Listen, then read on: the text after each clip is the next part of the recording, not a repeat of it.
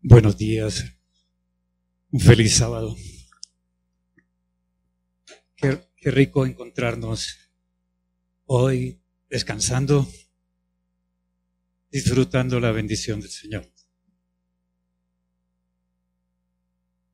Quiero, ustedes tienen sus Biblias. Antes de entrar en descanso, quiero dejarles un mensaje pequeño. Jóvenes Lucas 10, 25. La razón de este, de este corto mensaje es, no sé si ustedes han visto estos letreros que están alrededor del, allá en el fondo del, del salón. Y no sé si ustedes los han leído. Y como son jóvenes curiosos, estudiaron la historia de San Camilo. Si eso es verídico, es algo de imitar A veces se inflan mucho las historias de los santos y no son tan reales, pero sí hay gente. ¿Se acuerda que el Señor dice que tengo ovejas fuera en otros rediles? Hay gente que se sacrifica, que entrega su vida por los demás. Lucas 10, 25, ustedes conocen bien esos pasajes. Yo no soy pastor, por eso quisiera predicar como hacen ellos anoche esas predicaciones tan hermosas y cómo, cómo lo motivan a uno. Usted que los médicos somos quietos, fríos, usted tiene cáncer y se va a morir en seis meses, hasta luego. Esa es más o menos la expresión del acto médico, ¿no? 10.25. Un intérprete de la ley se levantó y dijo para probarlo, Maestro, haciendo qué cosa heredaré la vida eterna. La pregunta, ¿qué necesito hacer? Agregarle a mi vida para hacer, para obtener la vida eterna. Y ustedes conocen el relato, no lo vamos a describir, vamos a leer. El, Jesús le cuenta lo de la historia del, del samaritano Sí, como pasó un sacerdote, como pasa alguien que está preparado en salud. El sacerdote tenía un entrenamiento médico. El sacerdote sabía practicar, diagnosticar, vigilar, sí, enfermedades. Eso era parte de su entrenamiento. Pero algunos de ustedes habrá tenido la experiencia de ir a un, un hospital y sobre todo a un hospital público siéntese, espere y usted aguante dolor, y espere, y horas, espere. No, que todavía no tiene el turno. Esa misericordia, esa bondad hacia el que sufre, la hemos perdido en muchos, muchos sitios. Jesús no le contesta, simplemente le da un ejemplo de una noticia fresca que estaba en los medios y al final le da una respuesta. La última parte del versículo 37. Él le dijo, el que usó misericordia con él. Entonces Jesús le dijo, ve y haz tú lo mismo. ¿Qué se necesita para obtener la vida eterna? Primeros auxilios, saber de salud, curar los enfermos actos de misericordia. Ministerio de Curación dice, seremos doblemente útiles, doblemente útiles. Y se refiere especialmente al, ministerio, de un ministro que sabe eh, aconsejar, recomendar, orientar a una persona, que sabe utilizar los, los simples remedios naturales, como lo expresa ahí en Ministerio de Curación, es una persona doblemente útil. Un joven de GYC es un misionero doblemente útil. Saber primeros auxilios, curar enfermos, curar heridas, atender enfermos, llevarlos a los hospitales, saber qué hacer en un momento de emergencia es fundamental. Muchas vidas se podrían ayudar. Usted tiene un accidente. En, bueno, los países de Latinoamérica nosotros podemos actuar sin necesitar una licencia como en los Estados Unidos, pero puede hacer algo. Primero, como dice un principio médico de Hipócrates, no haga daño. Eh, permítame darles un ejemplo. Alguien está accidentado, caído, y lo primero que llegan a hacer las personas es sacúdalo y póngale aire porque no respira. Y, el pobre tiene una lesión cervical y ahí queda parapléjico para el resto de la vida. Pero con ese sacudón terminó de desplazarle la vértebra y lesionarle la médula. Y cortarle.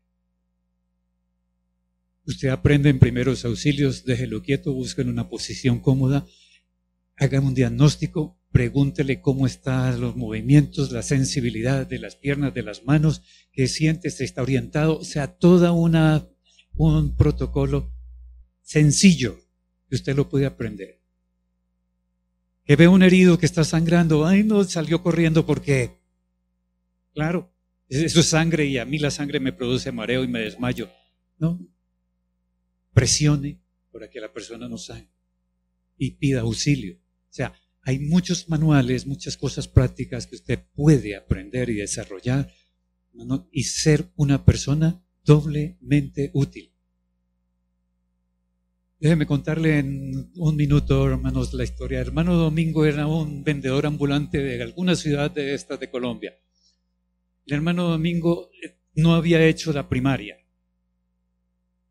La historia que él eh, relató es, un día va caminando por una calle y le da la sensación de ir a visitar, dice, por aquí vive un hermano, dice, voy a visitarlo, voy a hablar con él. Cuando él llega a la puerta del hermano de la casa, sale corriendo y le dice, hermano Domingo, Domingo, ayúdeme, voy a buscar un taxi porque mi, mi esposa está en trabajo de parto. Y buscar un taxi en un barrio periférico en esa época que no existían los celulares, difícil. La señora está adentro gritando y el hermano Domingo entra y se encuentra con una joven primípara teniendo un parto podálico, sí, o sea, el niño viene de nalga. Los que saben medicina más que yo de ginecología, porque a mí se me olvidó, eso es trágico. Ya estaba en, eh, eso se llama, si no se me ha olvidado, eso se llama expulsivo, ya el niño viene saliendo. Le pregunto, hermano Domingo, ¿usted qué hizo? Me acordé de unas imágenes que yo vi en un libro que se llama Donde no hay doctor. Donde no hay doctor es un, eh, lo escribió alguien, un médico americano misionero por ahí en las montañas de México, escribiendo cosas sencillas que podían hacer los campesinos para tener una atención médica. Y va desde remedios de hierbas naturales hasta procedimientos sencillos que se pueden hacer. ¿Y usted qué hizo, hermano Domingo? Me acordé de las imágenes y dijo, pues tomar el niño y ayudarlo a salir, a salir. Pero la cabeza se queda porque es la parte más, más grande. Entonces, ¿qué hace? Dice, pues ahí en el diagrama decía que al niño hay que voltearlo sobre el abdomen de la madre, tratar de girar la cabeza y ponerlo sobre el abdomen de la madre y así sale más fácilmente la cabeza. ¿Y usted qué hizo? Pues eso que ya ha visto. ¿Qué pasó después? El niño salió morado, trabajo de parto prolongado, que saben medicinas, tienen que es eso, difícil, un niño que tiene mucho riesgo de morir. ¿Usted qué hizo? Limpiarlo con un trapito y empezar a darle respiración boca a boca. ¿Usted había hecho eso antes? No, yo lo leí en el librito ese. Doblemente útiles, hermano. Y ese es el mensaje de Lucas 10, el samaritano. Nosotros debemos estar preparados para atender emergencias. Y cada vez habrá más desastres, más crisis, y cada vez hay una juventud preparada para el servicio, para ayudar a los demás. ¿Por qué les menciono esto? Volvamos a nuestro personaje que lo habíamos dejado por allá medio angustiado con e-, Elías. No sé qué curso de, de reanimación hizo Elías, pero se le presenta una situación de emergencia.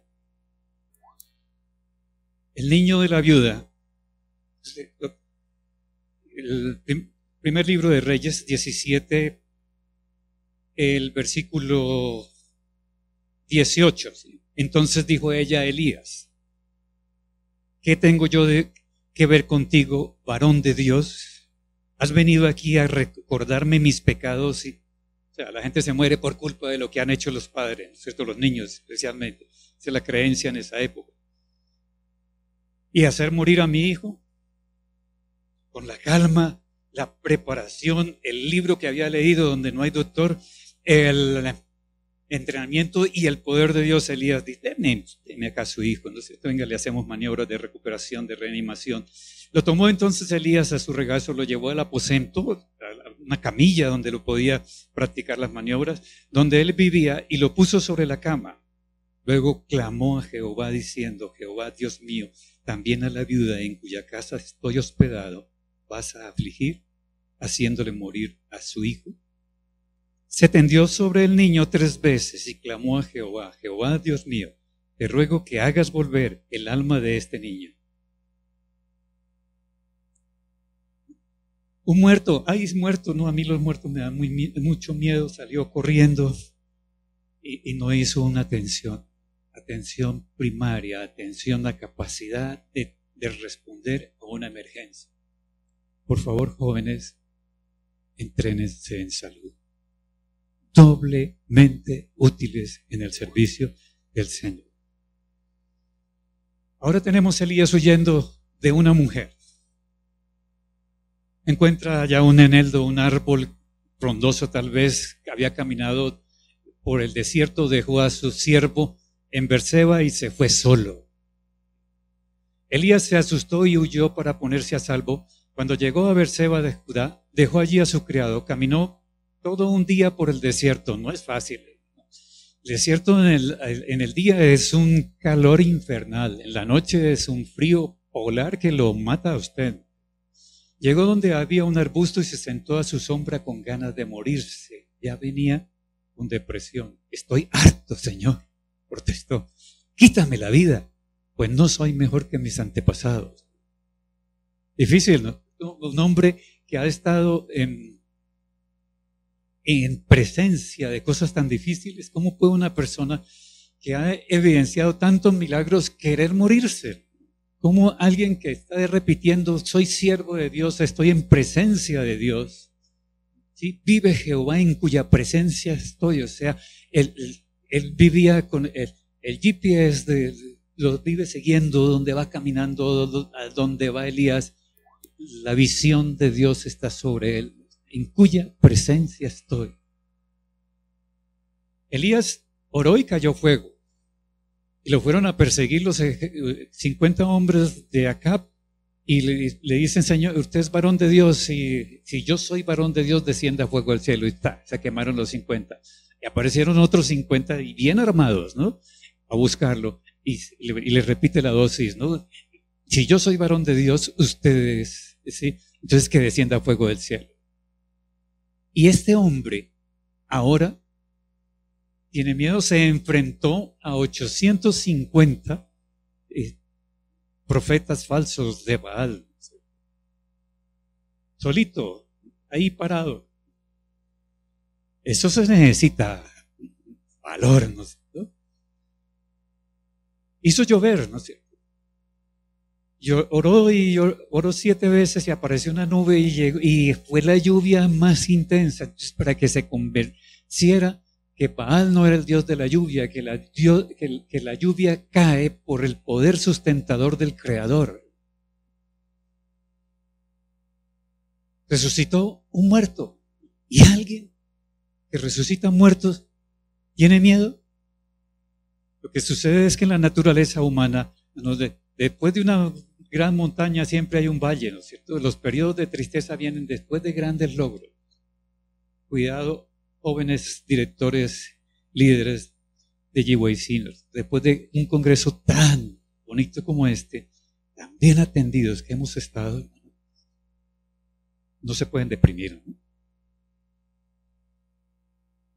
La actividad neuronal, o sea, la actividad de las células del cerebro, sobre todo las del lóbulo frontal, ¿sí? llegan a fatigarse. Y prácticamente el concepto es que el cerebro se apaga, o sea, la batería se le va disminuyendo, se va disminuyendo hasta que, como el computador o el celular, termina apagado el cerebro. Y eso es evidente. Entonces, esto es real. Estos son unos estudios hechos en la clínica Mayo, en los Estados Unidos. Esta es una persona normal y lo que le están midiendo es el metabolismo de la glucosa. El cerebro como trabajando activo tiene todas las áreas, en un corte que se hace, bueno, eh, les explico si la anatomía, esta es la parte, por aquí estarían los ojos, ¿no es cierto? Y estamos cortando más o menos la mitad del cerebro, es la parte occipital. Esto lo que mide la, tomografía de, por positrones es que hay actividad metabólica en muchas áreas del cerebro, las áreas frontales, parietales. Y cuando una persona se deprime, la actividad cerebral disminuye hay menos consumo de glucosa. Entonces, hay un concepto y a veces se nos ha metido en la iglesia. Uno no se deprime porque el diablo se le mete. La depresión puede ser un proceso natural. Que el diablo que sabe neurología, no estoy diciéndole a la doctora neuróloga que, tiene un mal compañero, un mal colega, ¿no? Sí. ¿no? sino que conoce las circunstancias, conoce, eh, conoce la fisiología también. Entonces él sabe que el metabolismo neuronal, el, la capacidad de trabajo del cerebro ha disminuido y aprovecha la ocasión. El cerebro hay que dejarlo descansar y si, si puede descansar, pues que descanse. Las neuronas del lóbulo frontal están diseñadas para periodos cortos y de intensa actividad. Usted puede, estar allá en el Monte Carmelo y ver ese, e, e, ese espectáculo, esa manifestación, más que espectáculo, es una manifestación gloriosa del poder sustentador de Dios, de cómo Dios sí puede manejar la naturaleza y hace con toda esa actividad cerebral, después se le agotó. Las células, e, este es el lóbulo frontal, y de paso, jóvenes, por favor, cuiden el cerebro. Cuiden. aquí reside el Espíritu Santo. Aquí trabaja. Él trabaja con sustancias dentro de esto.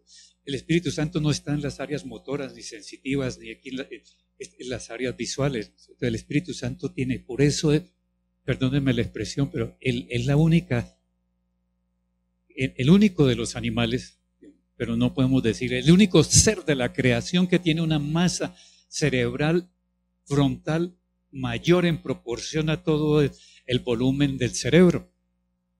Ningún otro animal lo tiene de los mamíferos. O sea, a nosotros nos dieron una área tan grande del cerebro para relacionarnos con Dios, para que sea residencia del Espíritu Santo. Esa. Y ahí es donde se nos agota la función neuronal, la función del, cerebro. las células del lóbulo frontal consumen una gran cantidad de glucosa, pero tienen un periodo refractario. Necesitan. Periodo refractario es que si usted lo va a aprender, no arranca, porque él está, tiene una carga, digamos, la carga eléctrica se ha bajado mucho, entonces él no se dispara. Cuando no está funcionando el cerebro se siente cansado. nosotros nos sentimos cansados, tristes, con menor capacidad cognitiva, poca inteligencia social y baja empatía. Si usted ha estado en el día, bueno, ustedes no son casados y no se van a casar. Si la señora que ha trabajado todo el día llega a la casa y raro que no hable, hermano, esposo, no le diga nada. Ella tiene el cerebro apagado, el lóbulo frontal que, les hace hablar tanto a las, a las mujeres más que a los hombres, lo tiene apagado. Ya gastó toda la glucosa que tenía, o sea, la mayor parte. Ella tranquila, no quiere. Entonces, por favor, no peleen. Uno de, los problemas en, en el hogar es la comunicación muchos de los empleados públicos probablemente gastan mucha energía porque las respuestas que le dan a uno en esas oficinas sí son bárbaras. Si en circunstancias, sí, este, perdón, sí, en circunstancias penosas, hombres y mujeres de poder espiritual, apremiados más de lo que pueden soportar, se desalientan. Ojo con la sobrecarga. Ahora eh, hay una expresión eh, en medicina, el, trabajo médico a veces es agotador. Hacer turnos en, urgencias, en un hospital, eso, eso acaba. Uno es complicado, el otro no, el otro le molesta y el familiar viene a decirle que no está haciendo nada. ¿sí? Que mire que tienen a su, ahí colgado con un suero y no le, no le están haciendo nada. Eh, o sea, eso se vive con los, así como erizado como un gato. Por eso a veces que se, se responde mal en, estas áreas, sobre todo en urgencias, en cuidado intensivo. Todo el mundo anda en, en un eh, estrés. Pero eso cansa. Si a veces no ven, si a veces no ven en nada deseable en la vida, esto no es cosa extraña o nueva. Quieren morirse. Recuerden los tales, discúlpenme, el, los profesionales que más se suicidan son los médicos. Dentro de los médicos, los anestesiólogos. Y de los anestesiólogos, y después los psiquiatras sea, la, profesión médica es un riesgo para suicidio. Recuerden los tales que uno de los profetas más poderosos huyó por su vida ante la ira de una mujer enfurecida. Jóvenes, si se van a casar, por favor a todos díganle sí. Tengan miedo de una mujer enfurecida. Si lo tuvo Elías, que era un hombre valiente, Hermano, yo no me hubiera, yo no me hubiera ido allá a pararme entre 850. Además, el pueblo no estaba convencido y estaba el rey con todos sus guardaespaldas, con todo su ejército. ¿Qué le esperaba? La muerte. Pero se necesita la tenacidad de ese hombre de haber tenido una confianza con, con el Señor. Se, devuelve, a mí me gusta cuando él se devuelve de Zarepta y se encuentra con el rey y se le para de frente, de pie, ¿no es cierto? Firme. Y no soy yo, es usted, el rey. Dirigírsele así a una persona agresiva, sin Dios, sin principios, difícil. No sé si ustedes han leído la historia de, los hermanos, de algunos, hay muchas eh, anécdotas, no anécdotas, sino historias de los hermanos que sufrieron la muerte, eh, sufrieron la muerte, no sufrieron la, la guerra, la matanza de los Usis y los Tutsis en Ruanda. Un joven pastor de esos no quiso mentir y mantenía la identidad, su carnet de su cédula que lo identificaba como Tutsi y se pasaba los retenes que habían hecho los Usis para, para matarlo. Y todo eso, eso fue un espectáculo terrible. Más de un millón de personas muertas en menos de tres meses solo porque pertenecían a una etnia. Y este hombre, no puedo mentir, siempre mantenía su identidad. Y qué valiente de llegar a los retenes donde estaban los enemigos y describe caminando por sobre los cadáveres. Que más de un millón de personas en un pueblo. Y en el pueblo de él, donde más, más mataban. Recuerden los tales que uno de los profetas más poderosos huyó por su vida ante una mujer enfurecida.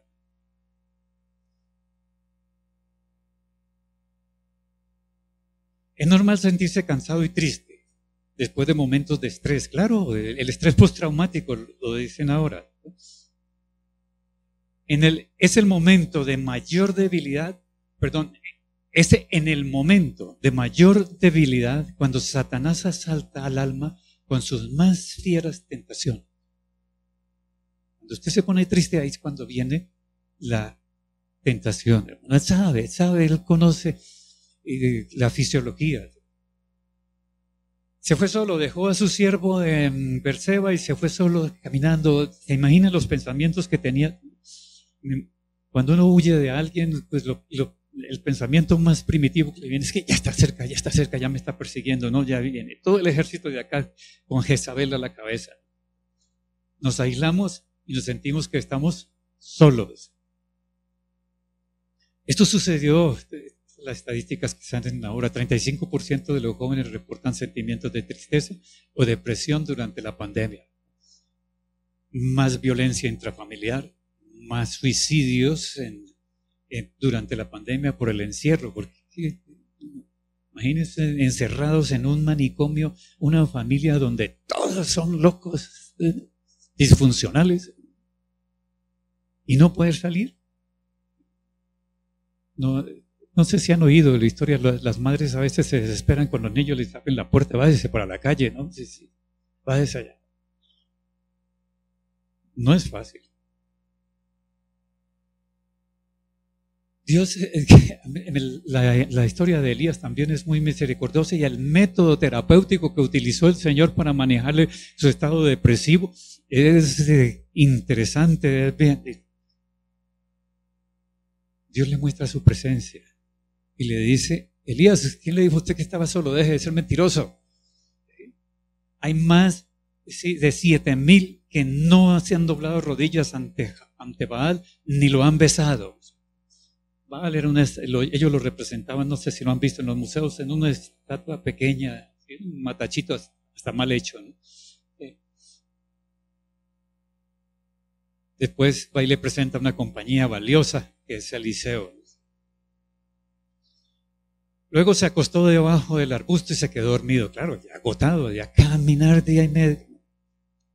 De repente un ángel lo tocó y le dijo, levántate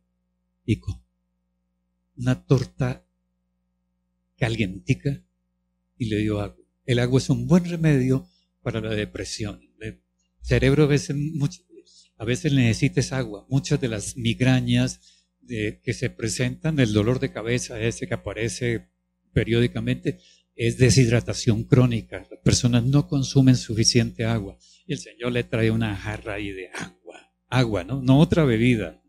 Agua. Le puso para que bebiera. Y pan del cielo. Jóvenes, por favor, duerman, acuéstense temprano ustedes han oído, no sé si alguien ha vivido en los, en los eh, dormitorios de los colegios eh, adventistas que lo mandan a dormir a las nueve de la noche. Sí, porque en la revelación que uno debe, la recomendación es duerma temprano, acuéstese temprano.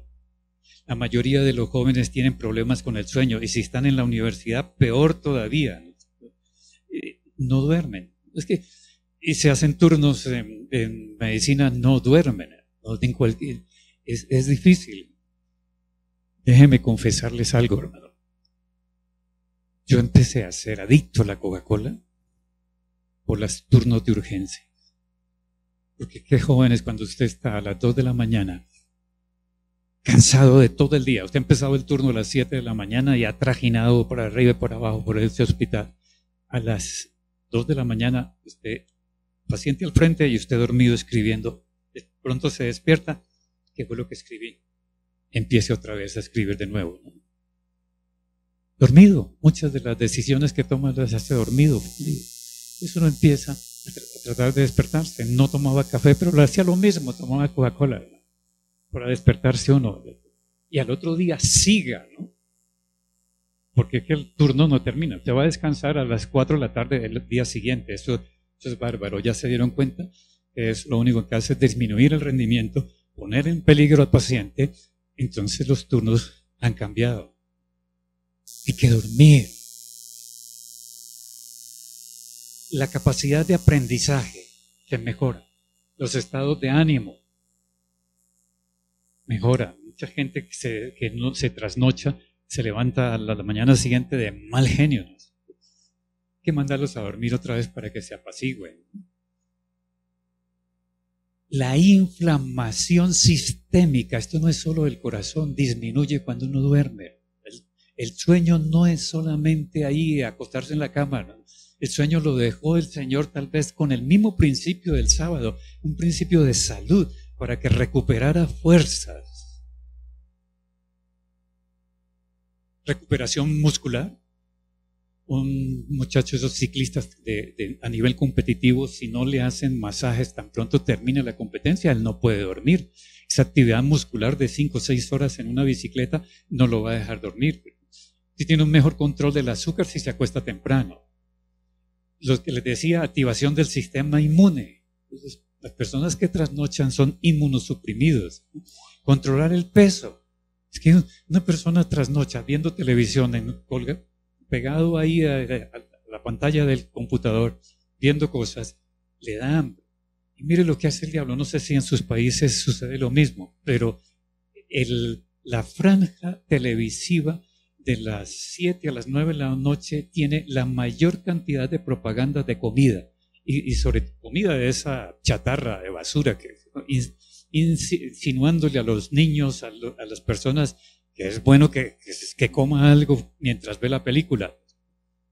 La mayoría de las personas que tienen sobrepeso u obesidad no duermen bien y tienen una regulación de ciclos circadianos hermosos. Uno tiene un, un reloj biológico, un reloj hormonal. Esto preciso. Si usted tiene una buena, buena, eh, un buen sueño, una buena salud en su sueño, usted a las nueve y media empieza ya a apagar los párpados, a cerrarse y a dormirse, porque ese es su ciclo circadiano. Si quiere alterarlo, entonces tras noche, haga turnos de noche y al otro día la calidad del sueño durante el día no es igual al de la noche. La oscuridad le hace mejor recuperar todo esto. Por su cerebro, el cerebro se limpia de toxinas durante el sueño. El trabajo inicial lo hicieron en ratones. Cogen unos ratones y les inyectan una sustancia que es nociva para el cerebro. El cerebro lo va a dañar. Cualquier sustancia. la mitad de esos ratones no los dejan dormir. De paso, casi todos los mamíferos duermen. A la otra mitad los, eh, eh, eh, los dejan dormir, duermen. Cuando los sacrifican a los ratones y les hacen estudios inmunoestológicos, o sea, la sustancia es medio es fluorescente se puede ver cuando, están examinándolo en el microscopio. Los ratoncitos que han dormido depuran, quitan, limpian el cerebro de la sustancia que le han inyectado los, ratoncitos que no durmieron no limpian la sustancia. La sustancia sigue ahí dañando el tejido cerebral.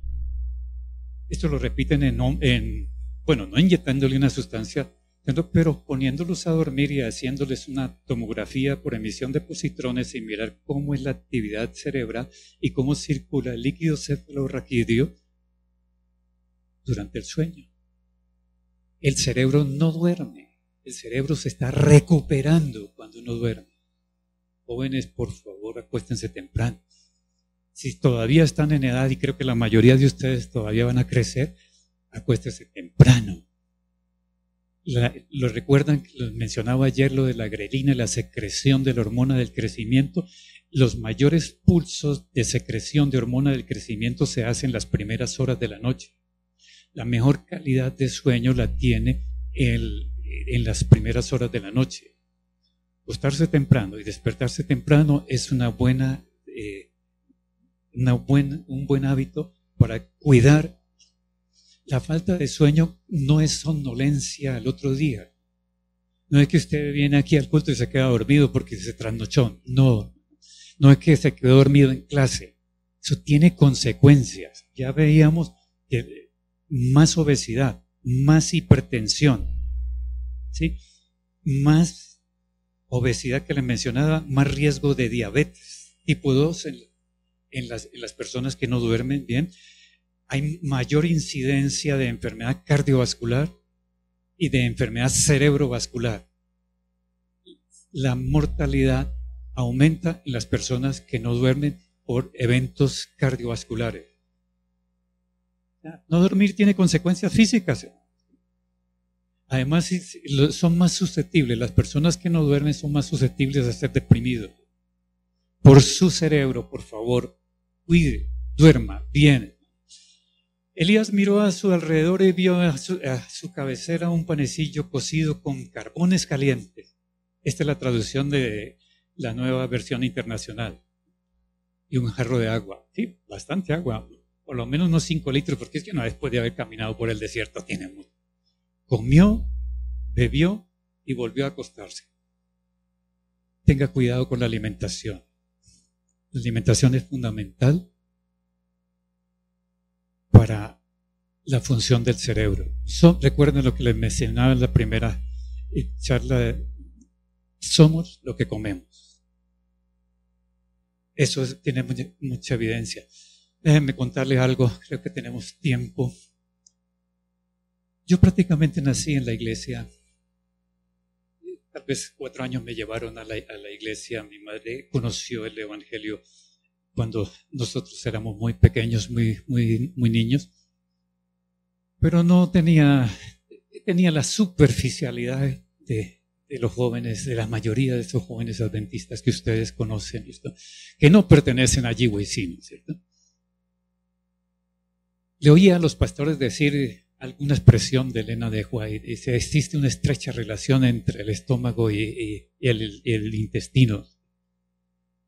Y como ya estaba más grandecito y en medicina, dice, estos pastores hablan cosas que no son ciertas, esta estrecha relación. ¿Cuál va a ser la relación? Estoy hablando de 1970, eh, eh, viendo anatomía, y es que cuál es, y, un poquito de fisiología. La estrecha relación que conocemos ahora es solamente el sistema vago, el, nervio vago. Y es vago porque se va para todas partes, ¿no? Eh, se origina aquí en el cerebro y, va hasta el intestino, baja hasta, hasta, hasta el riñón es, un, es, prácticamente un sistema, es uno de los nervios craneanos, pero es muy importante. Pues claro, ¿qué más relación? Vago y secreción de ácido. Pero con tanta investigación que salía, en ese momento no conocíamos de neurotransmisores, no conocíamos de hormonas intestinales, no conocíamos de citoquinas. Después de que uno va aprendiendo, va leyendo, dice, uno sí es terco, ¿no? Necio, incrédulo. ¿Cómo se va, cómo va a dudar de lo que Dios ha dicho. Si alguien se deprime, usted es doblemente útil. Aquí la asistencia médica que le llegó a Elías fue de un ángel y lo tocó. Toquen los pacientes. Pero no con toda la energía y no pasarse de, de lo normal, ¿no? de un toque sanador. Usted puede ser un familiar, un amigo, un miembro de la comunidad. Usted es un joven de GWC que es útil. La depresión es eh, frecuente. 35% de los jóvenes. La depresión aparece en los miembros de la iglesia. Los miembros de la iglesia a veces se suicidan. existen. Usted les, les, pregunta y mucha gente no, no eh, expresa la situación que vive. Yo todavía recuerdo a don Francisco. Don Francisco, hablamos el viernes, era un paciente de diálisis. Hablamos lo más normal que podíamos hablar en una consulta de nefrología, su tratamiento, los elementos que le llegan para el tratamiento en la casa, cómo está su familia. Bueno, y se le tocan cosas espirituales. El lunes nos llegó la noticia que él, lo vi un viernes, el sábado sacó la familia, las mandó que le hicieran diligencias. Cuando ellos regresaron lo encontraron colgado de un lazo en la parte de atrás de la casa. Y lo, lo más triste es que hacía más de cuatro meses había mandado a la señora que le comprara el lazo. ¿Para qué lo quieren? No, porque de pronto necesitamos amarrar algo aquí en la casa.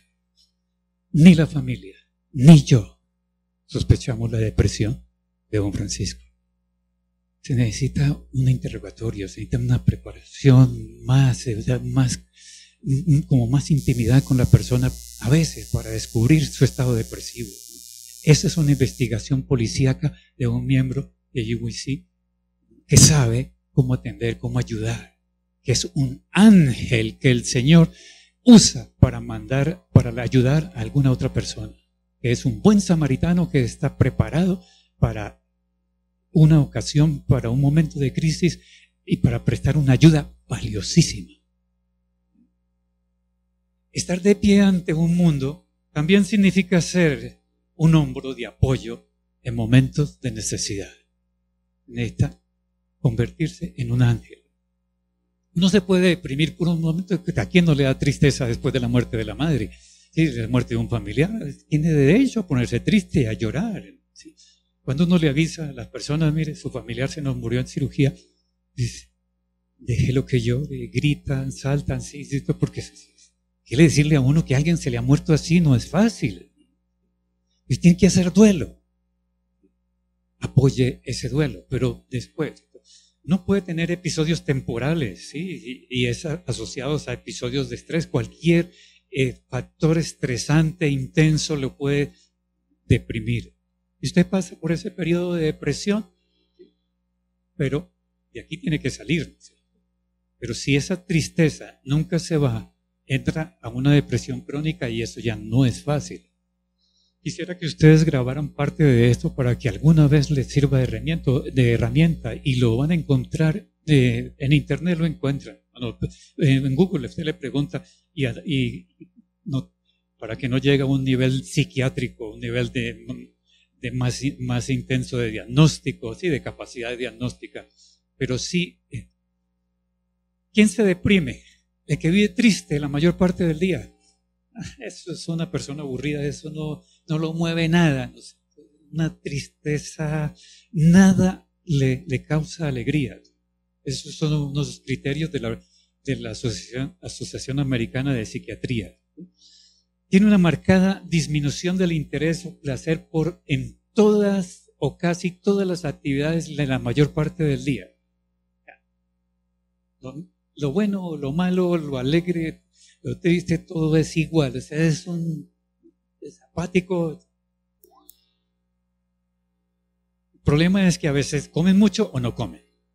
Tiene un trastorno del apetito. Eh, o, se, o se deprime y cae en una anorexia o cae en, la bulimia, empieza a comer y a comer y a comer y, quiere saciar su eh, depresión con comidas. Insomnio. Estos deprimidos a veces no duermen, no concilian el sueño. Y es difícil mantenerlo. Y al otro día están dormidos. Tienen, Porque es que empieza a magullar, a rumiar las ideas durante el sueño, cuando va a conciliar el sueño. Tiene una agitación o tiene un retardo psicomotor. está moviéndose por toda la casa y molestando o se queda quieto ahí que no lo mueve nadie. Esto debe ser observado por otros para que sea un criterio diagnóstico. Tiene una, una sensación, una pérdida de la energía, sentimientos de inutilidad y culpa. Esto sí es grave, Yo no sirvo para nada. Y muchas niñas se deprimen, se paran en el espejo y se miran y empieza la depresión, ¿no es cierto? Ah, que yo no soy reina de belleza. no no sirvo para nada y eso se le va, lo va repitiendo, lo va repitiendo, rumiándolo hasta que llega al fango. Una capacidad disminuida para pensar y concentrarse, tomar decisiones. Pensamientos recurrentes de muerte o de suicidio. Y esto hay que preguntárselo a la gente. ¿no? Dice, ¿te ha pensado en suicidarse? Sí. ¿Cómo? Tomándome un veneno. ¿Lo ha comprado? No. Eh, ¿Tiene un lazo, una soga en la casa? No. ¿Tiene armas en la casa? Y mucha gente, discúlpeme, yo trabajo con enfermos renales que son terminales. Cuando dicen no terminales, que la función ya no, ya no hay más nada. Hay que hacerle diálisis o trasplante. Entonces, imagínense ustedes pegados a una máquina cuatro horas, tres veces al día, sin futuro. El futuro sería el trasplante, pero si ya no es candidato, ¿qué futuro tiene? Entonces, mucho de ello lo único que visualiza es la muerte. Sí, quiero morirme. Tengo una paciente que Dice, Noemí, por favor, cuídese. No, es que quiero morirme. Otro de los pacientes que lleva más de 10 años me dice, don Luis, pero es que, bien, no, no, es que si me muero este año mejor. Al final Dios los oye y se mueren. Y bienaventurados los muertos que descansan. El primer episodio de trastorno depresivo, jóvenes, cuidado. aparece hacia los 25 años. Cuidado. Por caridad, vuelvo y se lo repito, jóvenes, cuiden su cerebro. Se tiene que cuidar el lugar santísimo. El lugar santísimo no le llega nada sucio. El sacerdote no podía entrar al lugar santísimo con nada completamente limpio. Así deben llegar todas las vías, los sentidos, traer mensajes limpios al cerebro, al lugar santísimo. Uno trabaja intelectualmente porque tiene neurotransmisores. Muchas de las funciones, o si no casi todas las funciones cerebrales se hacen a través de neurotransmisores. Lo que es juicios, memoria, raciocinio, decisiones, se realizan a través, en el lóbulo frontal, a través de neurotransmisores. Me explico cuando digo neurotransmisores. Un mensaje eléctrico llega por la red del sistema nervioso y para comunicarse con otra red, con otra neurona, tiene que llegar a una estación. Esta estación se llama sinapsis. El mensaje eléctrico se codifica en, la, parte anterior de esa, de esa sinapsis y ahora se convierte en un mensaje químico. Esto es una maravilla de creación. ¿Cómo puede codificar usted en, un, todavía creo que ni sabemos si son en ondas eléctricas o qué es la electricidad, y ahí va un mensaje codificado. ¿Y cómo puede ese mensaje de eléctrico transmitirlo? El mismo mensaje, la misma oración, el mismo canto, el mismo sentimiento, la misma emoción, se la va a transmitir a, una, a otra neurona. Con el mensaje completo, completo, total. Si nosotros alteramos los neurotransmisores, se altera la función cerebral. Y eso es lo que le pasa a la depresión. El, deprimido empieza a agotar serotonina, dopamina, norepinefrina, neurotransmisores que inducen la depresión. Por eso muchos de ellos, un deprimido crónico necesita manejo psiquiátrico y a veces manejo medicamentoso. La mayor parte de quienes padecen un trastorno depresivo necesitan tratamiento para mejorar, sí, porque si no, a veces no salen de la depresión y el riesgo es el suicidio. Elías se levantó, comió, una buena alimentación, cuide su cerebro, no le eche productos lácteos a su cerebro, especialmente queso, no se lo ponga e, esa, esos derivados de los lácteos no son buenos para la función cerebral. Usen neurotransmisores sanos o precursores de los neurotransmisores. Elías se levantó, comió y una vez fortalecido por aquella comida, ah, que le dieron pan del cielo. Viajó 40 días y 40 noches y llegó a Oret, al monte de Dios, y allí se pasó en una cueva. Y Dios le dice, ¿qué haces aquí, Elías? Venía de una tormenta, venía del fuego, el fuego lo asustó más, la tormenta lo atemorizó porque llovió duro después. Sí, el Señor le monta un viento fuerte, pero después le da su presencia, su paz. Y esas preguntas hermosas. Mire que no le recrimina a Elías, usted debía estar allá, usted abandonó su cargo en el ministerio y ahora está aquí metido en una cueva. No, una pregunta hermosa. ¿Qué haces aquí? ¿Qué haces aquí? Cuando estamos rodeados de dudas y circunstancias y las circunstancias nos dejan perplejos y nos afligen la pobreza, la angustia, Satanás procura hacer vacilar nuestra confianza en Jehová. Aprovecha las situaciones, pero Dios comprende y sigue manifestando compasión y amor Lee los motivos y los propósitos del corazón. Aguardar con paciencia, confiar cuando todo parece sombrío, es la lección que necesitan aprender los dirigentes de la obra de Dios y los jóvenes de Yiwisina, ¿cierto? Espere con paciencia, confíe en Dios. El cielo no los desamparará en el día de la adversidad. Conflicto y valor del 29